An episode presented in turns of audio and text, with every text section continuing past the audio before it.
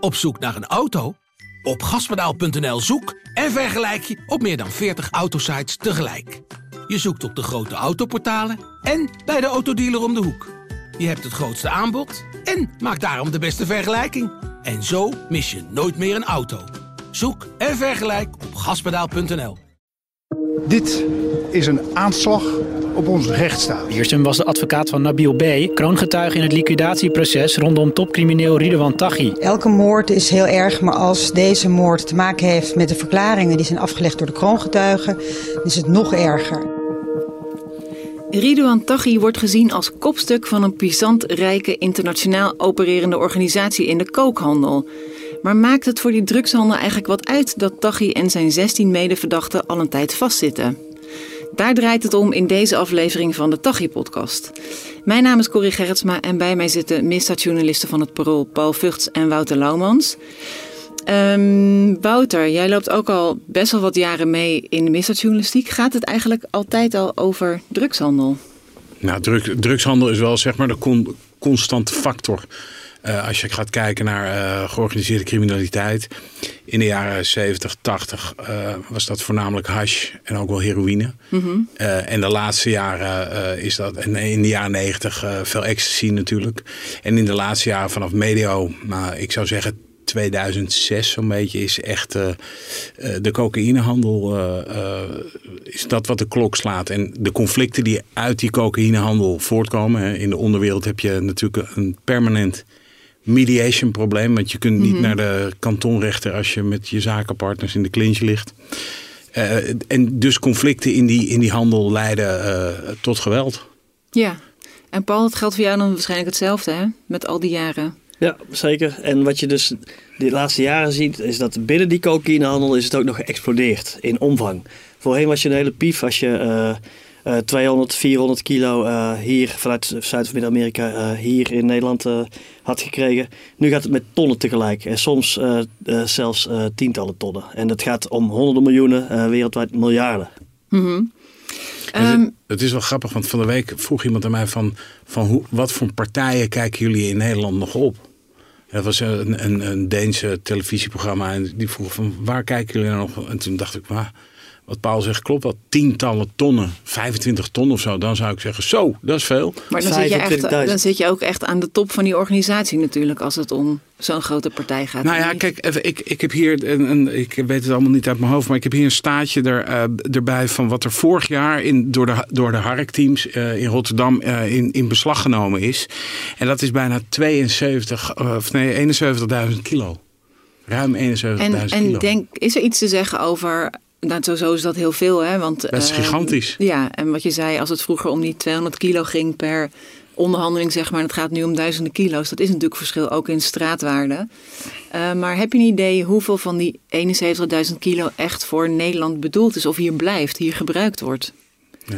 Maar dat is een betrekkelijk klein deel. Nederland is vooral een schakel in de, uh, in de doorvoer naar de rest van Europa. Er wordt behoorlijk gebruikt hoor in Nederland. Maar het gaat vooral om dat, dat we hier een doorvoerland uh, zijn. En als je dit even kapitaliseert in geld. Dan, kijk, afhankelijk van wie het vraagt, wordt er over uh, cocaïne zoals die binnenkomt per kilo gezegd 25 tot 35.000 uh, euro straatwaarde. Ja. Uh, als het echt heel loepzuivere cocaïne is, zoals Albanese die bijvoorbeeld binnen uh, halen, gaan we het straks nog over hebben, dan, dan is dat nog wat, wat hoger. Maar als je dat even omslaat, dan heb je het over honderden miljoenen per keer. En ik sprak toevallig daar straks een officier van justitie, die, die had het over de begroting van het Openbaar Ministerie zegt wij van justitie moeten het doen met ongeveer 500 miljoen uh, per jaar. Nou, dat heeft Tachi ook. Als één, organisa één organisatie.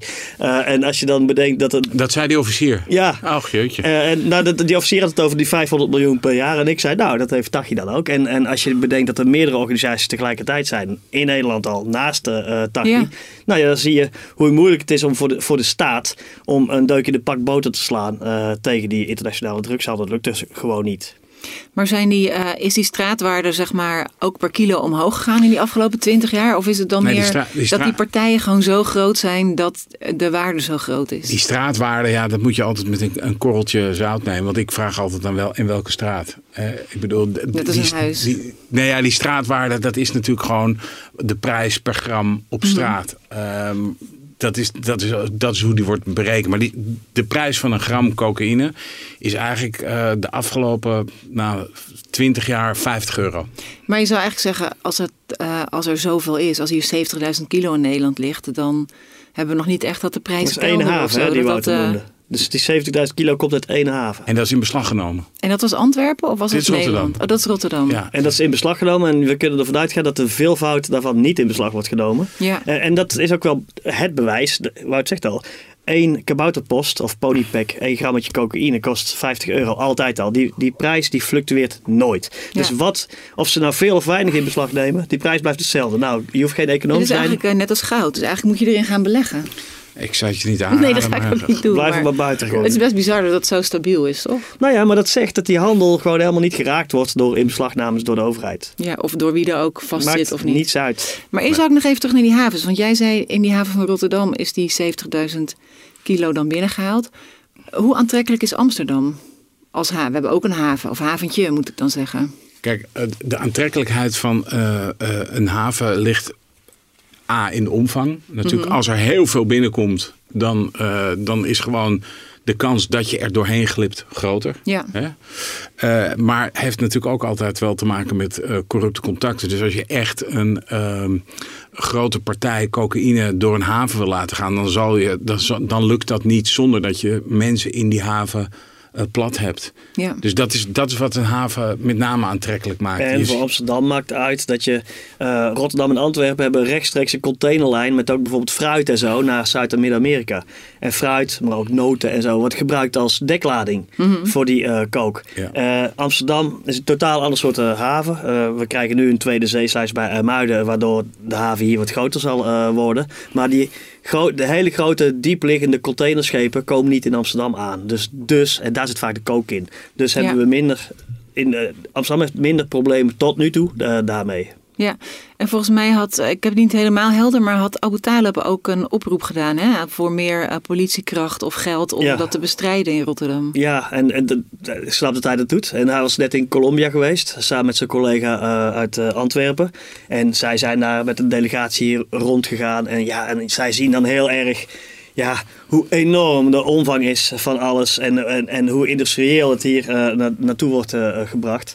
Ja, aan de andere kant, havens eh, floreren eh, als ze eh, heel grote volumes kunnen doorlaten. Als je elke fruitcontainer, elke bananenvracht gaat controleren, dan verrot de boel en dan ben je als haven niet meer interessant. Dan gaan die, dus dan, het economisch model van een haven is gebaseerd op geen oponthoud Ja, voor containers.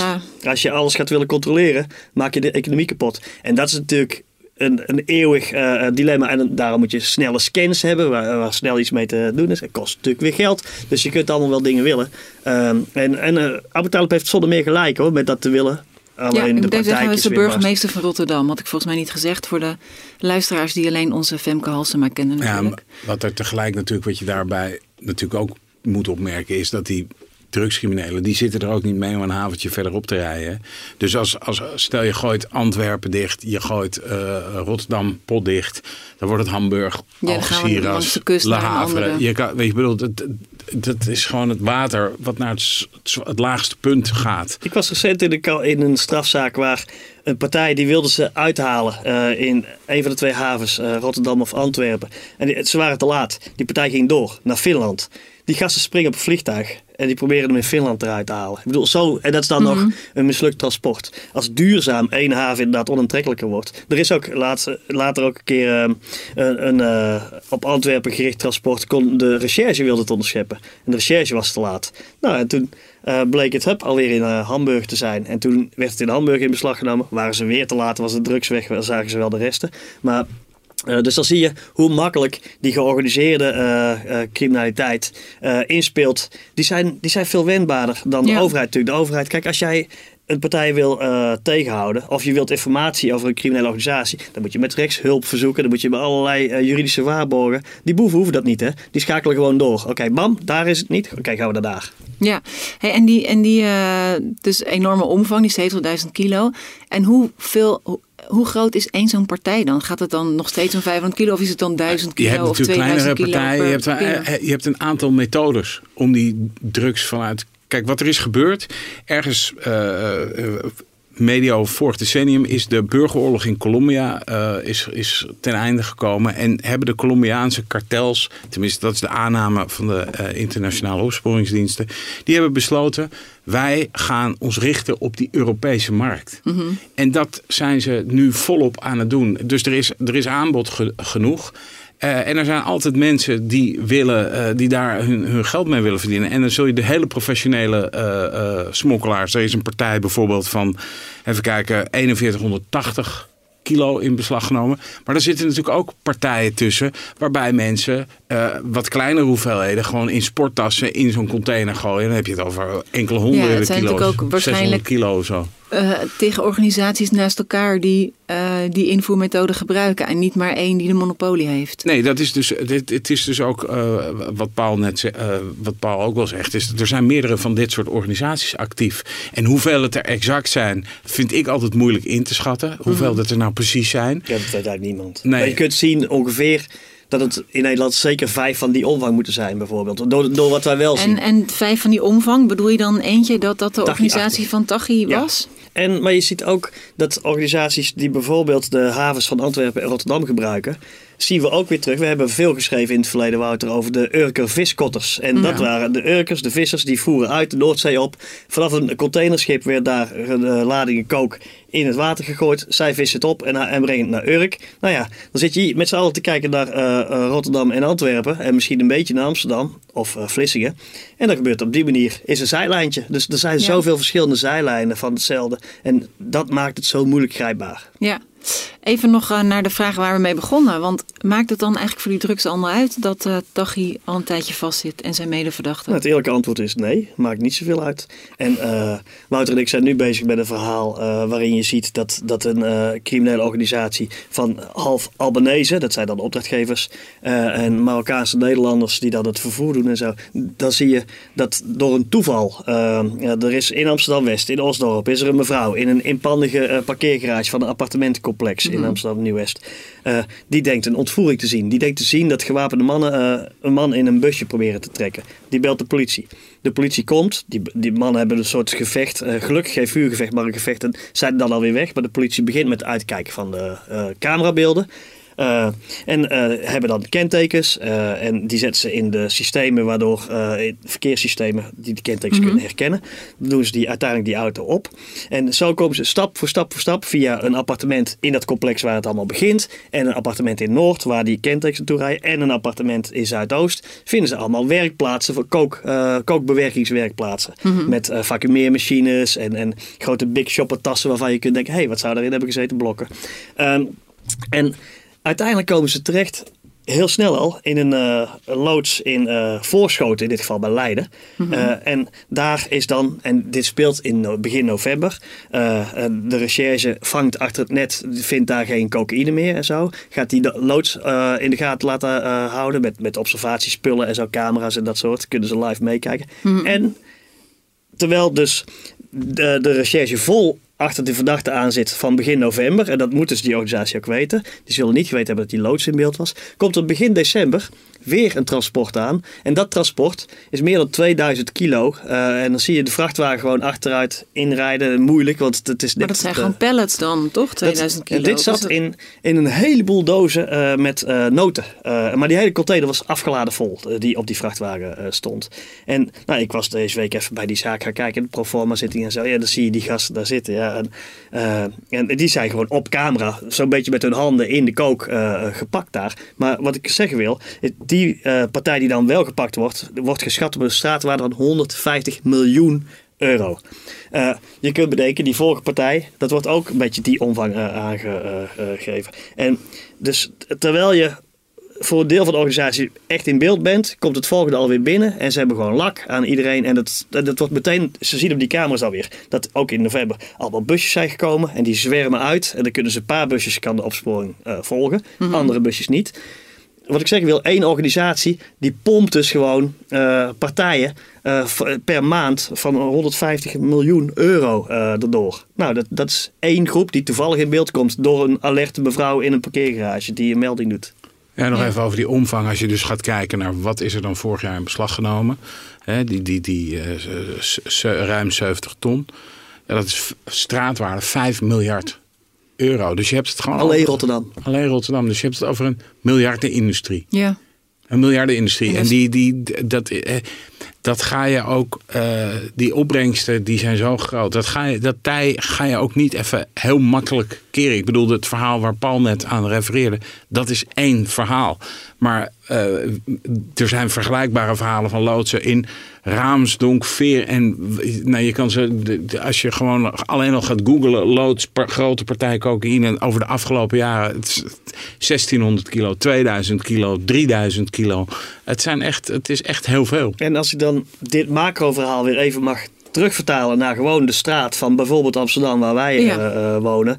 Uh, die partijen worden uitgehaald weer. Soms door uh, jongens uit Amsterdam Zuidoost of uit uh, Nieuw-West. Die proberen het uit de havens te halen. Deze zaak waar ik net aan refereer, zijn het dan gasten uit onder meer Amsterdam, maar ook België, de regio Den Haag en zo. Maar zij weten elkaar haarfijn te vinden en hebben gewoon soms een soort uitzendbureau voor gasten die bereid zijn bepaalde rollen mm. te spelen. Dus is het ook zeer moeilijk te grijpen als, als overheid. Dus voor je een keer goed overzicht zou kunnen krijgen, zijn die partijen al lang weer doorgeschoten. Ja, wat, die, je ziet ook dat die overheid, die zit, er, die zit ermee. Hè? Ja. Dus wat, wat doet Abu Talib, die zei vorige maand bij, uh, bij Jinek ja, dan wordt er gewezen naar de gebruiker. Van joh, eh, als gebruiker heb je, Precies, heb je, verantwoordelijkheid. Heb je bloed aan je handen. En daar zit natuurlijk ook wel ergens een kern van waarheid in. Maar het is ook een heel makkelijk uh, argument om uh, te zeggen: ja, het is zo groot. en het is eigenlijk maar allemaal de schuld van de gebruikers. Je kan natuurlijk net zo goed de andere kant uit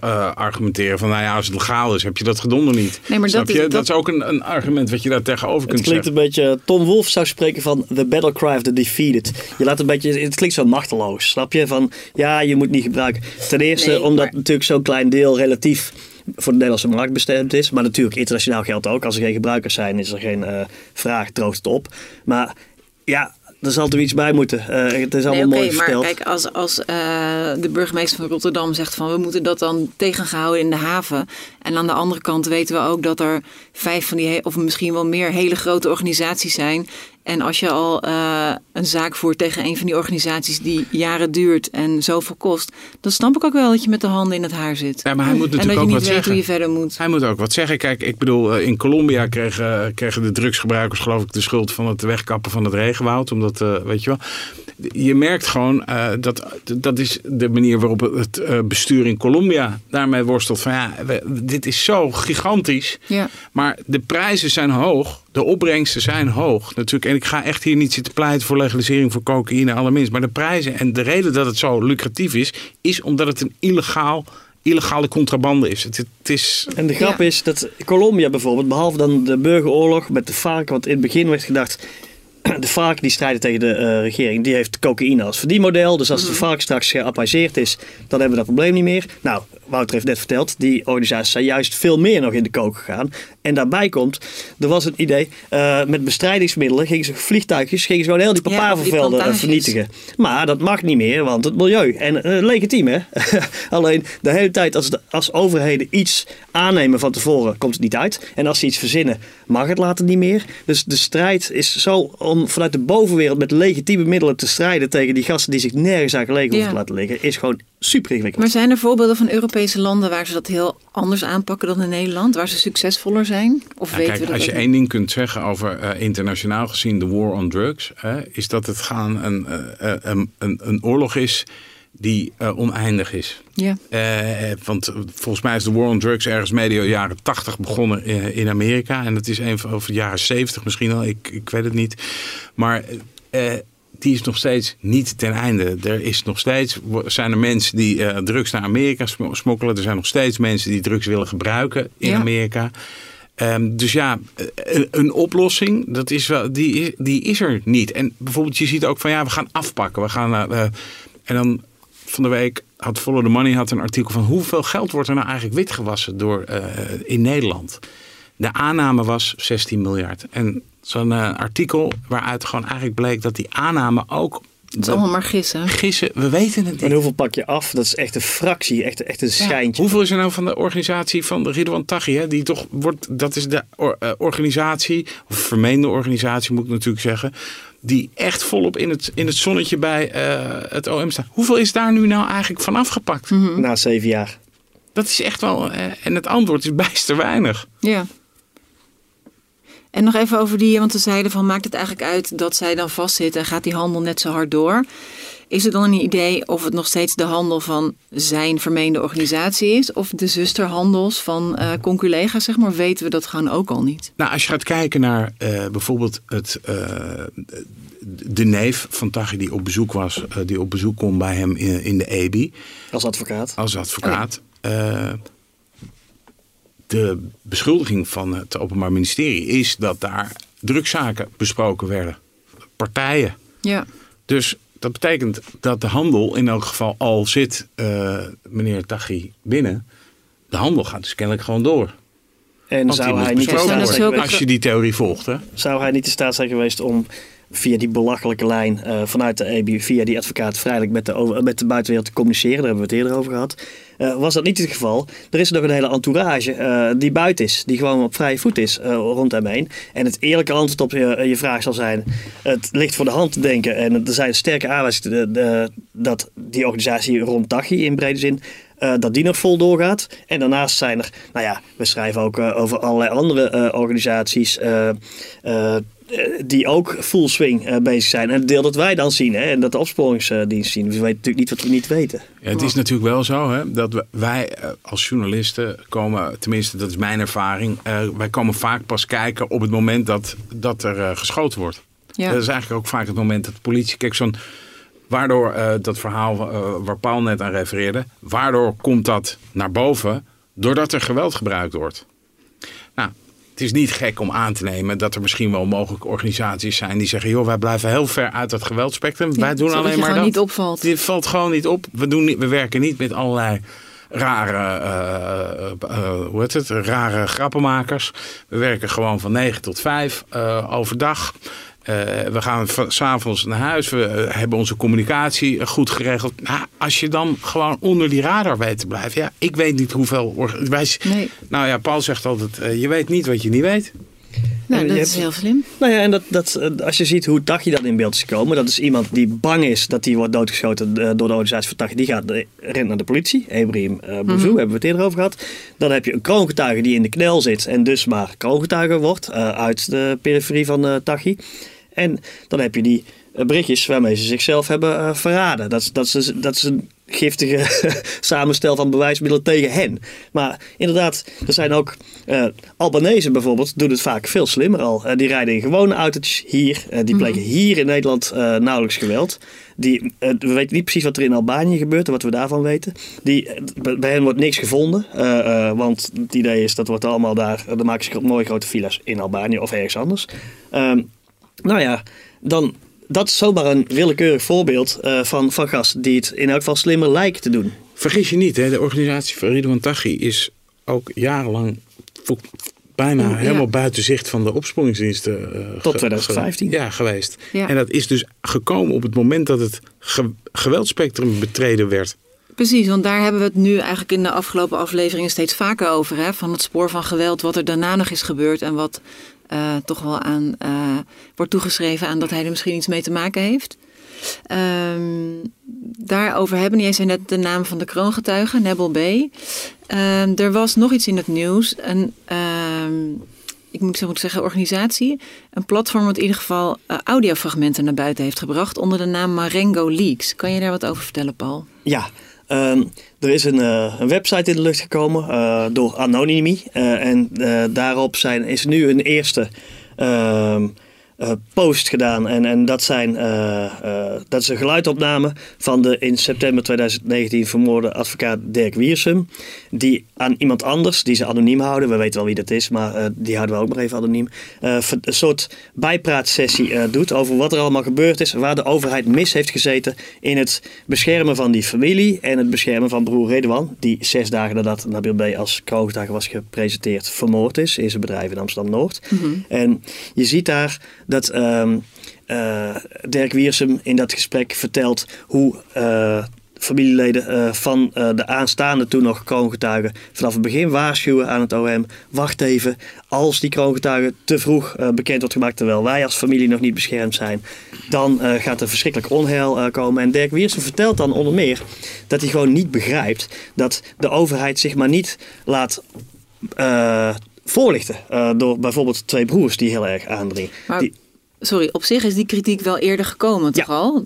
Wij hebben in Parool hebben we er heel veel stukken, uh, ook op de voorpagina, aangeweid aan hoe uh, zaken mis zijn gegaan vanuit de, de overheid. Ik zou zelf ben ik er ook niet zo voor om de stem van Dirk Wiersum online uh, te zetten. Dat lijkt me voor, die, uh, voor de nabestaanden heel vervelend om te, uh, te horen. De inhoud kennen we, maar, moet ik tegenover zeggen, als je dan Dirk Wiersum vanuit die positie en met de wetenschap dat hij later zelf is uh, vermoord. Als je het hem hoort vertellen heel rustig Mhm. aan iemand anders, dan is het wel weer heel confronterend en neus op de feiten. En hij zegt vooral ook, je, het is maar niet te begrijpen dat de overheid de hele tijd maar denkt in arrogantie. Want wij weten hoe het zit. Wij hebben onze systemen om te beoordelen wat gevaren zijn. En ze kijken altijd naar het verleden. Dus het ge Ja. gegeven dat er nog nooit een broer van een kroongetuige is eh, vermoord. Dat is hun leidende motief. En ook al zeggen die broers, dit is anders. Dit zijn geen holleders. Eh, en, en dan zie je dat inderdaad die broer wordt eh, vermoord. Dat Dirk Wiersum is vermoord. En inmiddels Peter R. de Vries is vermoord als vertrouwenspersoon van de kroongetuigen. Je ziet gewoon, het Openbaar Ministerie heeft zich ook vergist in de heftigheid van deze nieuwe generatie criminelen. Ik zal de eerste zijn die uh, toegeeft dat ik mezelf er ook uh, in heb vergist. Volgens mij hebben veel collega's van mij zich We waren ook... allemaal verbijsterd. Uh, zich Ja. ook, nee, maar ook dat je het eerst een beetje... Uh, ik heb het ook in het begin wel een beetje onderschat. Ik dacht, nou, het zal toch wel zo'n vaart allemaal niet... Weet je, ja. En dan gaandeweg zit je toch als een soort uh, kikker in een pan die steeds warmer wordt. Uh, en denk je van op een gegeven moment... Ja, voor mij was de aha-erlevenis... Ik weet niet hoe dat bij jou zit, Paul. Maar voor mij was de aha-erlevenis dat er toen op een gegeven moment... een hoofd voor een shisha-lounge in Amsterdam was neergelegd. Mm -hmm. Toen dacht ik, wauw, deze mensen zijn echt... Deze generatie, en dat is niet dat dat de organisatie van die is of dat... maar dit, uh, deze generatie van uh, criminelen, die zijn tot alles in staat. En ik denk dat dat besef bij de overheid uh, nog wat later is ingedaald. Misschien. Ja, maar inmiddels het is, is het, het is, er wel, hoop ik, toch? Nou, ja, nou nog steeds maar ten dele. Maar het is schandalig laat ingedaald in elk geval. Martin Kok, de misdaadblogger, is in december 2016 vermoord. Niemand bij het OM leek zich daar heel erg grote zorgen om te maken. Vervolgens, zelf heb ik lang in de be beveiliging gezeten. Daarna, uh, omdat men mij dood wilde schieten. Mijn collega, onze collega John van de Heuvel zit sinds mm -hmm. december 2017. Als tweede kwam die uh, journalist kwam die in de beveiliging, zit er nog in. Uh, we hebben aanslagen op mediapanden uh, gehad. En pas nadat Dirk Wiersum september 2019, nadat alles toen ze uh, verschrikkelijk een toga-drager uh, pakte, een advocaat. Toen pas uh, kwam de toenmalige minister Vert Grapperhaus met dit is een aanslag op de rechtsstaat en zo. Al het andere vonden ze geen, dat voelde niet voor, voor de mensen in de kantoortorens als een aanslag op de rechtsstaat, want dat was niet een van hen. Ja. En nu merk je nog steeds dat er dat de, de, overheid zal in tijden van spanning als eerst aan de overheid denken, niet aan de rest. Dus, dus je ziet nu ook hoe er heel erg gedacht wordt aan hoe beveiligen we officieren van justitie, hoe beveiligen we rechters, maar advocaten van verdachten. En wij, wij moeten nog steeds gewoon maar zelf zien hoe we in de rechtbank komen, het laatste stukje. Uh, en moeten soms lang wachten omdat de transporten van verdachten, maar ook officieren uh, er langs moeten. Dat besef is nog steeds niet te volle. En dat is dus wel, en dat, en dat is wat Paul aanhaalt, is wel echt, uh, dat is dus op het moment dat er dus in elk geval informatie is dat uh, mm -hmm. Tachi mogelijk een uit, uitbraakpoging voorbereiden bij de bunker.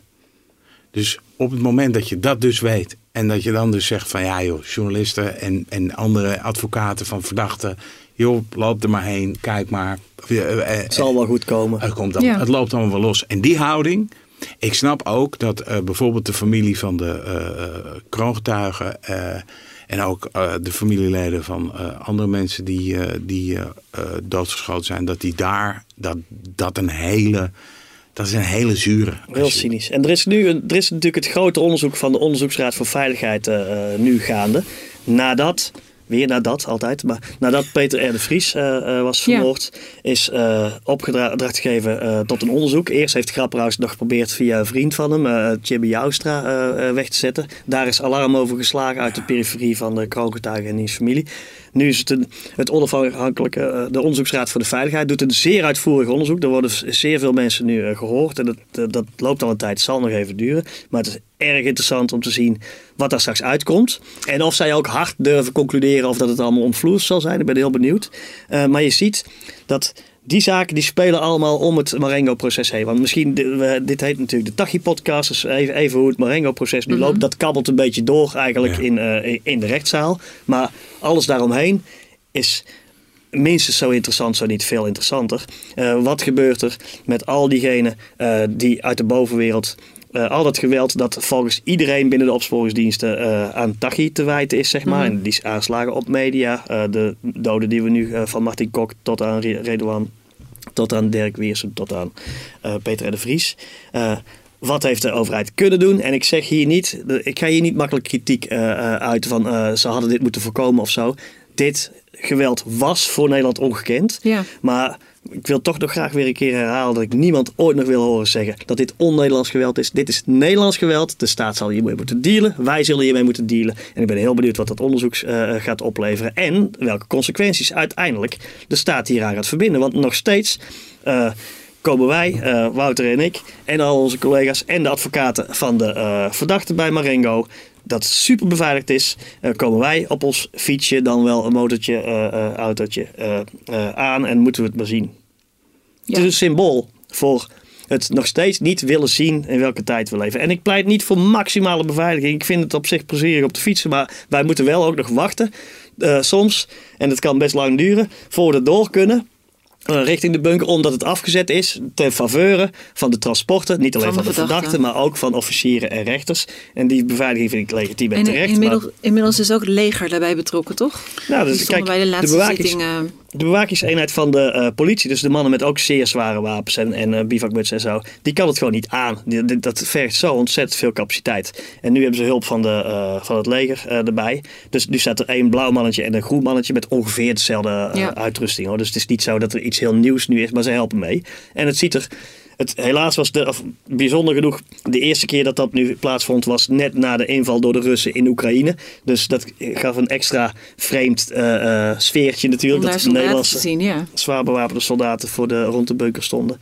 Um, en ik, nogmaals, ik vind die beveiliging legitiem. Alleen dat je nog steeds, wij als journalisten en ook advocaten, uh, vragen al een hele tijd overheid. Wil jullie niet serieus met ons spreken over hoe moeten wij eigenlijk onszelf beveiligen? Nou, die gesprekken, dat, daar is niet bovenmatig veel interesse voor. Nee, ik kan me herinneren dat jij hier eerder uh, ongeveer zo'n betoog over hebt gehouden.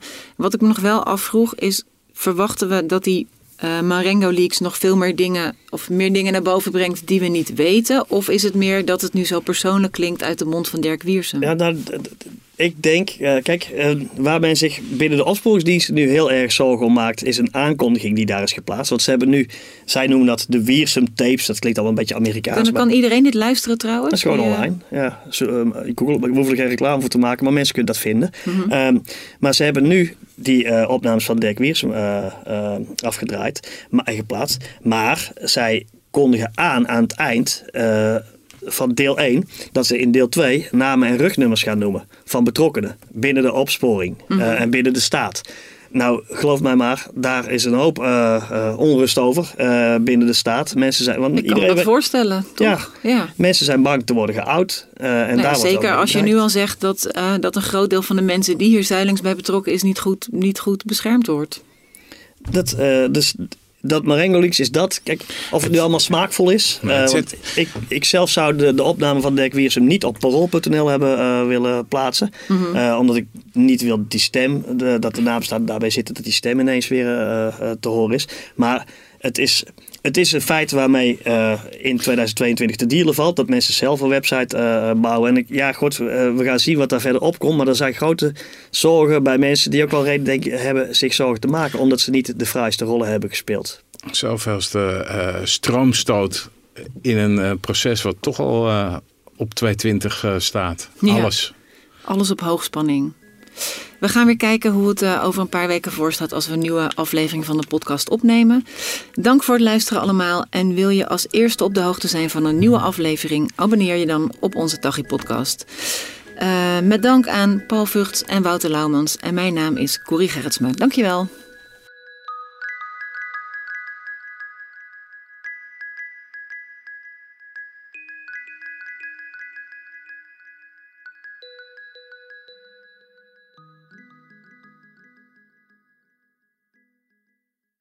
Op zoek naar een auto? Op gaspedaal.nl zoek en vergelijk je op meer dan 40 autosites tegelijk.